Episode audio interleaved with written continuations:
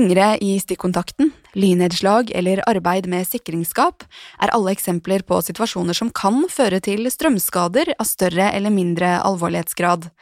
Hvilke symptomer bør man være obs på hvis man har blitt utsatt for strøm, og hvor går grensen for hvem som trenger oppfølging på akuttmottak og ikke? I dagens episode har jeg tatt en prat med spesialist i akutt- og mottaksmedisin Lars Petter Bjørnsen, som har inngående kunnskap om disse spørsmålene. Han er også en av forfatterne bak en rapport nylig publisert i tidsskriftet om pasienter med strømgjennomgang fra lavspenning, som ble henvist til nettopp et akuttmottak. Jeg er Karoline Ulvin Johansson, og du hører på årets første episode av Stetoskopet. Velkommen hit, Lars Petter Bjørnsen. Tusen takk. Du er spesialist i akutt- og mottaksmedisin, overlege og førsteamanuensis, og du er med oss i dag fra Trondheim, hvor du er tilknyttet både St. Olavs hospital og NTNU.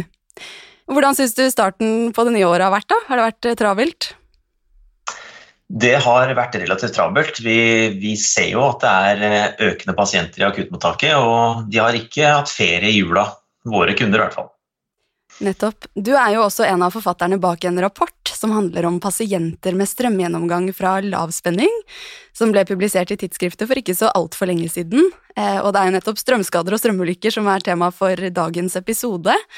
Er dette noe du har møtt på ofte i løpet av din yrkeskarriere? Ja, vi kan vel si at Det er vel ikke noen folkesykdom, men det er jo helt klart at jobber du i de prehospitære tjenester, om du jobber på legevakt, eller som fastlege, og ikke minst i akuttmottaket, så er dette noe du ser relativt hyppig. Slik at en, en kunnskap om håndtering av disse pasientene er nødvendig.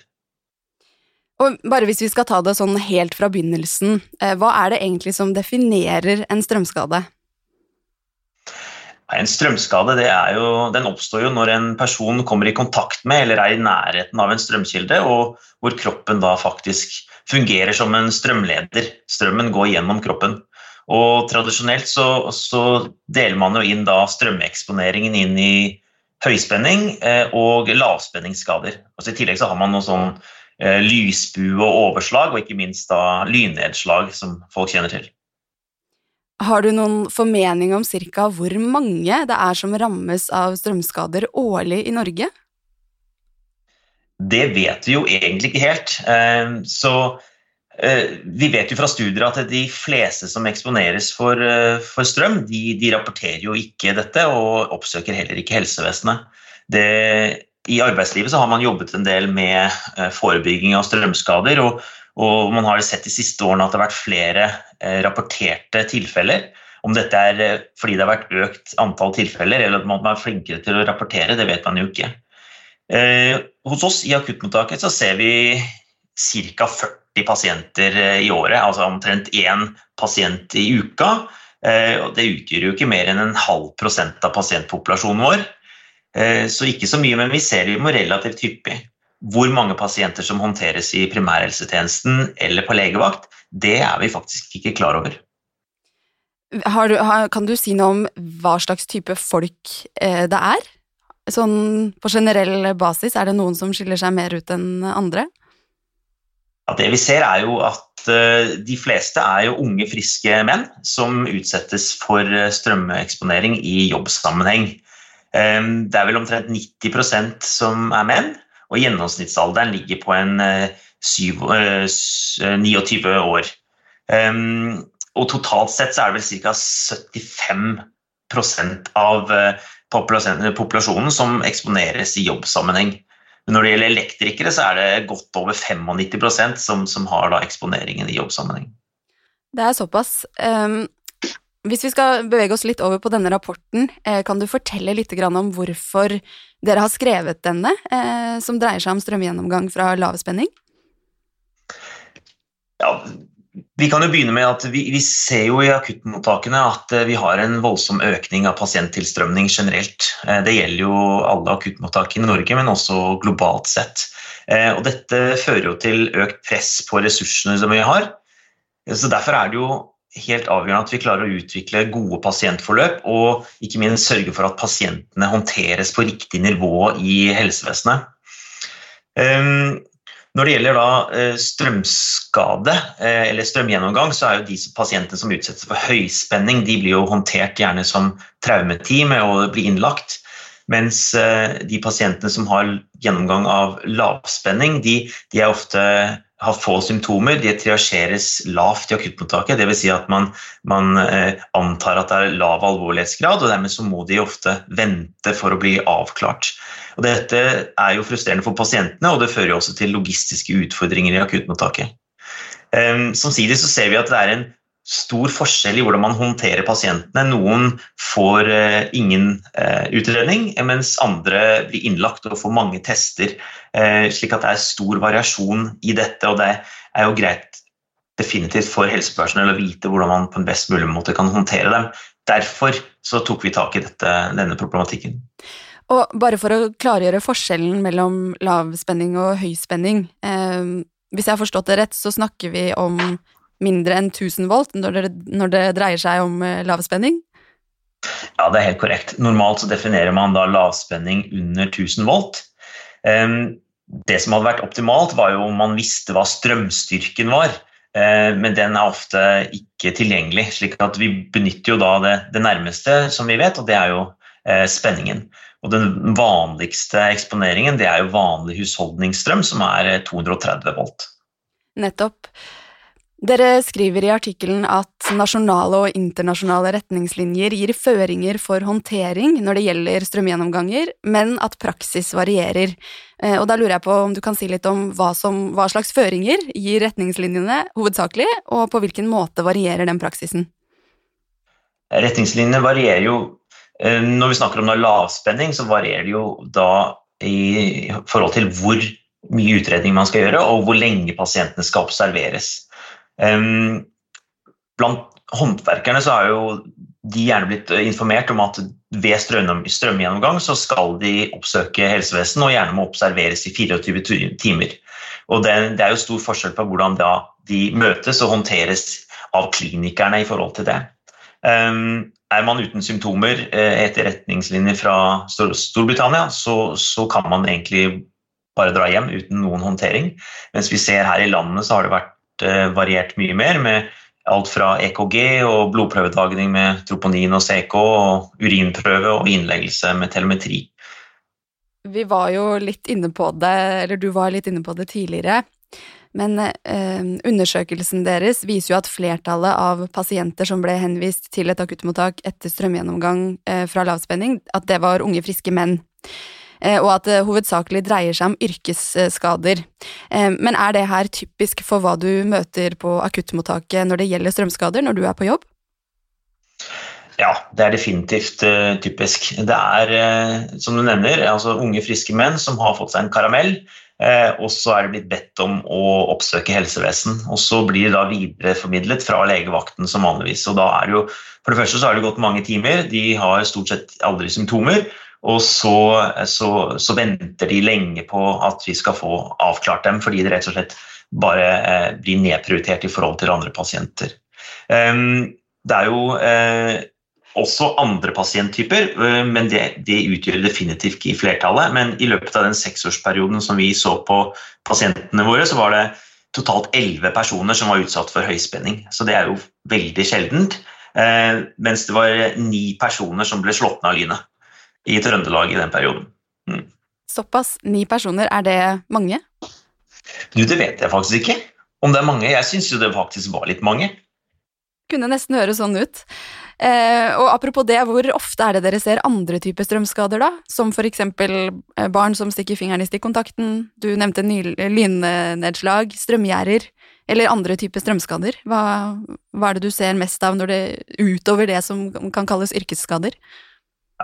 Nei, det er, det er, stort sett det det går i med strømskader. Nå har vi stort sett voksne pasienter, slik at eh, når det gjelder barn, så ses de i eget akuttmottak. Så det har jeg ikke oversikten over. Eh, men stort sett så er det, det håndtering av elektriske apparater, og man får da en støt i forbindelse med det. Eller så er det jobbsammenheng hvor man kobler elektriske eh, ja, eh, anlegg osv. Kan du si noe om hvordan man på best mulig måte kan forebygge strømskader?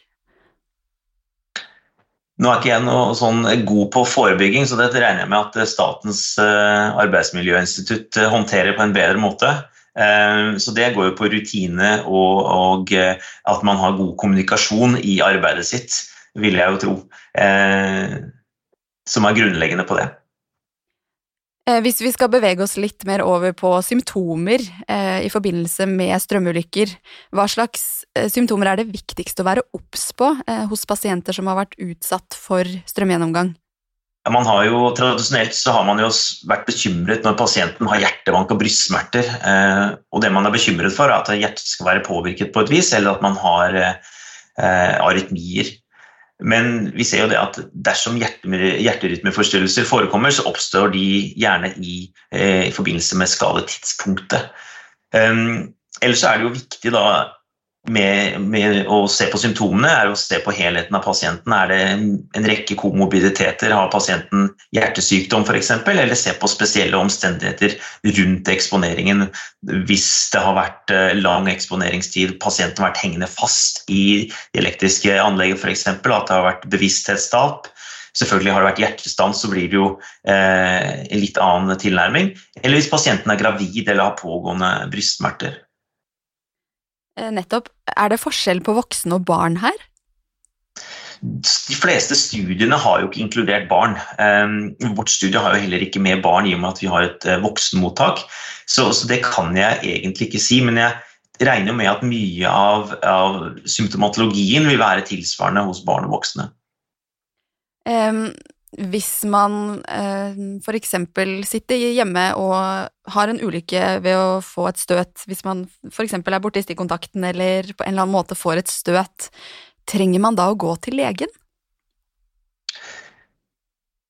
Det kommer litt an på hva slags støt man har fått. Er det vanlig husholdningsstrøm, så, så, og man har fått en eh, liten karamell i fingeren, dvs. Si at det har vært lokal strømgjennomgang gjennom hånden f.eks., så vil ikke vi gjøre noe hvis de oppsøker helsevesenet. Så i realiteten så, så trenger man ikke oppsøke helsevesen hvis det er tilfellet. Nå sier anbefalingen at hvis man f.eks. har fått strømgjennomgang gjennom arm og via brystet, så skal man eh, oppsøke helsevesen for å få tatt et EKG. Eh, så, så det, hvis man antar at strømmen har gått gjennom brystet, så skal man oppsøke helsevesen. Hvordan kan man vite forskjell på det, da? Vil man kjenne det, Nei, det antageligvis? Nei, Det er et veldig godt spørsmål. I studiet som vi har gjort litt tidligere, som ikke inkluderte i, eh, i, de, den publikasjonen, så, så, så vi at det, eh, i hele 30% av tilfellene så klarer man ikke å angi strømvei. Slik at er man usikker, så får man heller ta kontakt. I artikkelen så peker dere på at andelen asymptomatiske pasienter i deres studie var relativt høy, 21 Eh, og at både blodprøver og EKG heller ikke viste tilsynelatende faretruende verdier, da, så vidt jeg har forstått. Kan du si litt om hva dette tyder på? Nei, jeg tenker jo at eh, andelen som er asymptomatiske, er relativt høy. Eh, samtidig så ser vi at de som har symptomer, de har gjerne milde symptomer, lokale symptomer. Det går på muskelstølhet og litt sånn uvelhetsfølelse. Slik at det totalt sett, det, det gjør vel det, det, samsvarer jo egentlig med det vi tror, om at det å bli utsatt for lavspenning ikke påvirker kroppen i nevneverdig grad. Hvis vi skal gå litt videre og snakke litt om retningslinjer og hvem som da henvises til akuttmottak og ikke, eller til sykehus og ikke eh, Når det gjelder gruppen pasienter som da har blitt utsatt for strømgjennomgang fra lavspenning, hvor går grensen for når legevakten bør henvise til sykehus, eller når pasienten bør legges inn til observasjon, f.eks. Jeg vil kunne si det at De fleste som er utsatt for strømgjennomgang av lavspenning, de vil kunne håndteres utenfor sykehus. Um, og som nevnt så er det jo et mål om at de fleste skal håndteres på legevakten. Uh, det er best for pasienten, og det er best for helsevesenet generelt. Um, det som er viktig da med tanke på, på fastlegene, det er at uh, de først foretar ABCDE-vurdering som akuttlege, så må jeg jo si det. Og så er det å få en kartlegging av skadeomfanget til disse pasientene. Eh, er det lo lokal gjennomgang, eh, og pasienten ikke har noen symptomer eller skade og sår ved inngangen, så, så er, trenger man ikke gjøre noe mer. hvis man da antar at strømmen har gått gjennom kroppen, som jeg nevnte i stad, så er det viktigste verktøyet du har i primærhelsetjenesten, det er EKG. Eh, eller også i ambulansetjenesten så har man jo tilgang på EKG og kan eventuelt sende det. Så etter en EKG så vil man kunne da avgjøre en asymptomatisk, altså en pasient som ikke har symptomer, føler seg grei, relativt grei, med en normal undersøkelse og et uh, uforandret EKG, eller normalt EKG, de vil kunne sendes hjem. Mm. Så det viktigste man som lege i primærhelsetjenesten skal sjekke hvis man får en pasient som har blitt utsatt for strøm, er EKG, hvis jeg forstår deg rett? Det er helt korrekt. Eh, åpenbart så gjør man en klinisk undersøkelse, er det inngangssår og, sånn, så, så, blir det jo en litt annen, annen, kategori. Men en pasient som da har en normal undersøkelse, så er det EKG som avgjør om pasienten skal videre inn i systemet. Og ved unormalt EKG så, så har man ikke noe, egentlig, noe, valg annet enn å sende dem igjen for at vi kan få en, en god vurdering. Eh, en av utfordringene med bruk av EKG er jo at eh, man stort sett ikke har et tidligere EKG å sammenligne med. Og vi så jo det at det er utfordrende når det er unge, friske menn som kommer inn, og så har de små forandringer på EKG som kan være normale variasjoner, men som da ikke vi vet er, om er nytt eller, eller, gammelt fordi vi ikke har noe å sammenligne med. Slik at Da er det naturlig å sende pasienten inn, i tillegg til det jeg nevnte i stad, altså ved spesielle omstendigheter som at pasienten er gravid, at det er hjertesykdom, at det er pågående brystsmerter eller at det er mistanke om at det er eh, muskelskader, altså spesielt øm muskulatur, med tanke på at eh, man kan utvikle rabdomyolyse. Eh, veldig sjeldne tilfeller, men man må ha, ha det i bakhodet i hvert fall. Absolutt. Um, du har også bidratt i et arbeid med å foreslå nye anbefalinger for akutt håndtering av pasienter utsatt for strømgjennomgang fra lavspenning, stemmer ikke det? Det er under utarbeidelse og, og ikke publisert. Nei, nettopp, ikke sant. Men bare sånn av nysgjerrighet, eh, hva er den viktigste grunnen til at det er behov for nye anbefalinger, etter ditt syn? Nye retningslinjer for håndtering av pasienter med strømgjennomgang fra lavspenning mener jeg er viktig fordi eh, først og fremst så er det en god håndtering av pasienter. Eh, mer hensiktsmessig, slik at man trenger unødvendig å komme til sykehus. Mange pasienter har lang reisevei. Samtidig så er det bedre ressursutnyttelse. Um, og så er det også klarlegging av retningslinjer for både eh, allmennpraktikere, legevakt og, og, og eh, akuttmottaket, som gjør at vi får et bedre samarbeid om denne pasientgruppen. Det er en liten pasientgruppe, men den vil også da utgjøre litt i det store når det gjelder økt pasienttilstrømning. Og så vil det være et, en, en, god måte å samarbeide med gjennom hele den akuttmedisinske kjeden på. Nettopp. Og det spiller jo også litt inn i eh, den rapporten som er publisert, eh, sånn som jeg forstår den. Det stemmer. Eh, vi prøver å, å, å, å knytte sammen eh, den, det vi vet, vet om eh, eh, retningslinjer, og da den studien vi gjennomførte, og også en som ble gjennomført på, på Ahus og så prøver vi å komme til en felles eh, omforent algoritmisk tilnærming. Men dersom man skulle la være å henvise til et sykehus i etterkant av at man har blitt utsatt for strøm, eksempelvis, da, hvor stor er risikoen da for at pasienten mot formodning likevel kan få en alvorlig reaksjon? Så hvordan veier man best mulig eh, fordeler og ulemper opp mot hverandre her? Ja, Det er jo det spørsmålet som har ført til at eh, mange har blitt omstendig utredet. Og, og, frykten for at man har arytmier og ledningsforstyrrelser, er jo det som styrer det. Eh, men vi ser jo da i litteraturen at den frykten den baserer seg primært på da enkelttilfeller. Og de fleste studier, eh, og i tillegg til den som vi gjennomførte, den underbygger at et normalt eller uforandret EKG i tidlig fase det, det predikerer da fraværet av arytmier. Dvs. Si at sannsynligheten for at noe alvorlig eh, eller behandlingstrengende eh, akutt tilstand skal oppstå i etterkant, den er minimal. Og selv pasienter som har små avvik på EKG, de, de har ikke heller, heller, ikke behov for oppfølging i etterkant. Nettopp. Vet du om det har skjedd noen gang? At det er noen som har fått en alvorlig reaksjon når man ikke skulle tro det etter strømgjennomgang? Det er enkelte som det er rapportert at det har vært eh, uregelmessig hjerterytme, men ikke har vært noen behandlingstrengende. Ellers har det vært studier som på en måte det er uavklart om den endringen har vært relatert til strømgjennomgangen eller ikke. Hva er de vanligste helseplagene pasienter eh, som oftest får som følge av strømskader? Ja, vi er mest bekymra for hjertearytmier, men de vanligste eh, senfølgene er faktisk at det er muskel- og skjelettlidelser. At man har stølhet og nummenhet i, i, muskulatur, og ikke minst at man har påvirkning av nerver som nummenhet og, og parestesier. Um, og så er det en del som faktisk får uh, psykiske ettervirkninger uh, av, av, støtet. At det har vært uh, påvirket dem psykisk, og påvirker dem også i arbeidssituasjonen senere. Slik at Én ting er den akutte håndteringen, men det er viktig også å poengtere at pasientene bør ta kontakt med fastlege hvis de har vedvarende symptomer, og kanskje også følges opp etter et halvt års tid med fastlegen sin og gjennomgå og, og, og få en oppklaring om det faktisk er noe som de sliter med.